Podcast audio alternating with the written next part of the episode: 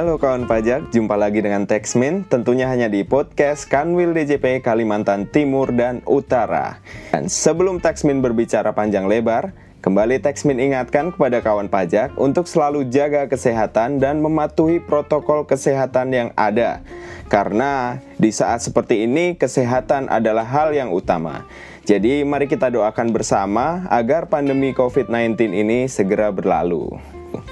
Oke, jadi di episode kali ini Texmin akan bercerita tentang seorang tokoh inspiratif sadar pajak yang berasal dari kota Balikpapan. Hmm, siapakah dia?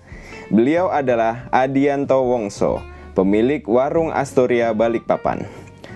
Dalam pertemuan Texmin dengan beliau, ada sebuah kalimat yang menggugah hati Texmin dan mungkin kawan pajak yang saat ini sedang sibuk menggeluti bisnisnya juga perlu mendengarkan hal ini.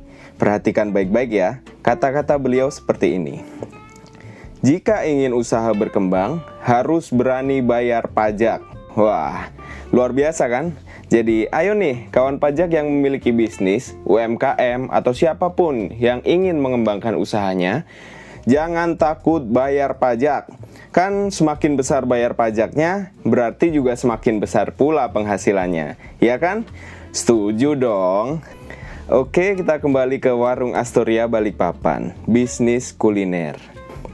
Bisnis kuliner merupakan salah satu bisnis yang menurut Texmin memiliki peluang yang begitu menjanjikan. Terlebih lagi di kota besar seperti kota Balikpapan, yang mana gaya hidup dan kebutuhan masyarakat akan jajan begitu tinggi. Peluang inilah yang kemudian dimanfaatkan oleh Adianto Wongso.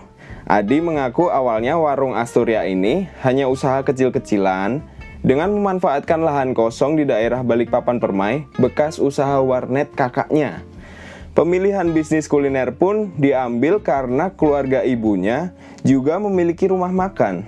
Sehingga ya tidak kaget ya, bisnis kuliner ini bukanlah hal baru buat Adi. Adi memulai usaha ini sejak tahun 2015 silam. Saat awal berdiri, konon katanya warung tersebut sepi pengunjung. Menu yang ditawarkan pun juga masih sedikit. Menu yang disajikan hanya kopi, mie ayam, dan lalapan.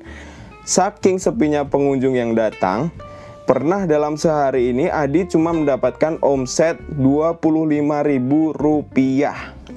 Hal ini membuat pria lulusan Western Michigan University ini sempat mengalami dilema. Terutama ketika lima bulan pertama bisnisnya berjalan. Dilemanya kenapa? Yaitu tentunya antara meneruskan usahanya atau kembali bekerja sebagai karyawan.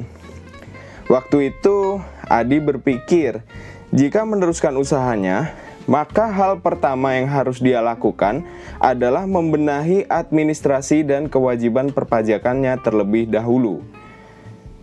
Saat mengurus administrasi perpajakan, saya tidak berpikir lagi karena kan cuma satu persen ya. Bisalah kalau cuma satu persen. Malah sekarang cuma setengah persen untuk pajak UMKM. Begitu tuturnya.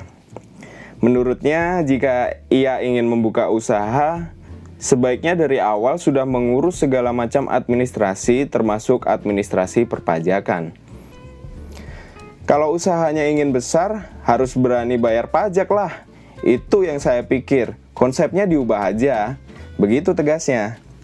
Korelasi antara bayar pajak dengan berkembangnya usaha menurutnya terkait dengan transparansi bisnis. Berkembangnya usaha akan berbanding lurus dengan penghasilan, Terlebih usaha makanan tergolong usaha yang kasat mata.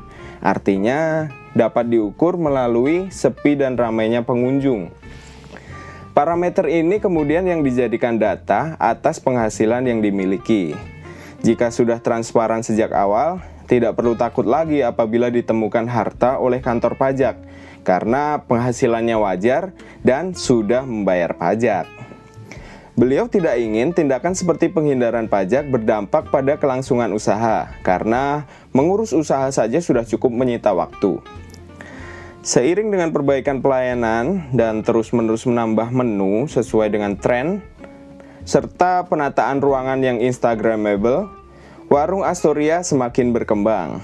Hingga kini, Astoria sudah memiliki dua cabang, yaitu di Balikpapan Permai dan di daerah Balikpapan Baru. Dan sebagai pengusaha makanan, Adi menyadari bahwa pajak merupakan kewajiban sebagai warga negara. Selama mengenyam pendidikan di Amerika, ia paham betul tingkat kesadaran warga negara di sana begitu tinggi akan pajak.